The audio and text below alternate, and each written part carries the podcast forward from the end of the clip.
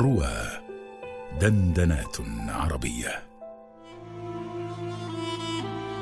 فلسفة قصة على رواه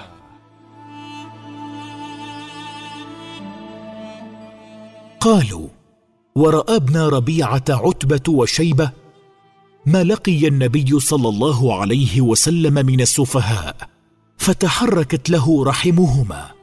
فدعوا غلاما لهما نصرانيا يقال له عداس. فقال له خذ قطفا من هذا العنب وضعه في ذلك الطبق ثم اذهب به إلى ذلك الرجل فقل له يأكل منه.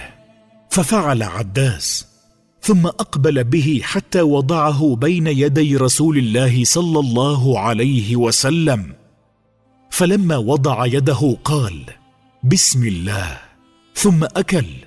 فنظر عداس إلى وجهه ثم قال والله إن هذا لكلام ما يقوله أهل هذه البلدة. فقال له رسول الله صلى الله عليه وسلم ومن أهل أي البلاد أنت يا عداس؟ وما دينك؟ قال أنا نصراني وأنا رجل من أهل نينوى. فقال له رسول الله صلى الله عليه وسلم من قرية الرجل الصالح يونس بن متى؟ قال وما يدريك ما يونس بن متى؟ قال صلى الله عليه وسلم ذاك أخي كان نبيا وأنا نبي. فأكب عداس على رسول الله صلى الله عليه وسلم يقبل رأسه ويديه ورجليه. يا عجبا لرموز القدرة في هذه القصة. لقد أسرع الخير والكرامة والإجلال فأقبلت تعتذر عن الشر والسفاهة والطيش وجاءت القبلات بعد كلمات العداوة. وكان ابن ربيعة من ألد أعداء الإسلام وممن مشوا إلى أبي طالب عم النبي صلى الله عليه وسلم من أشراف قريش يسألونه أن يكفه عنهم أو يخلي بينهم وبينه. أو ينازلوه وإياه حتى يهلك أحد الفريقين.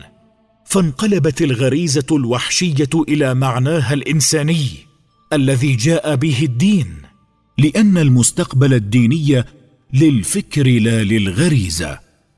وجاءت النصرانية تعانق الإسلام وتعزه.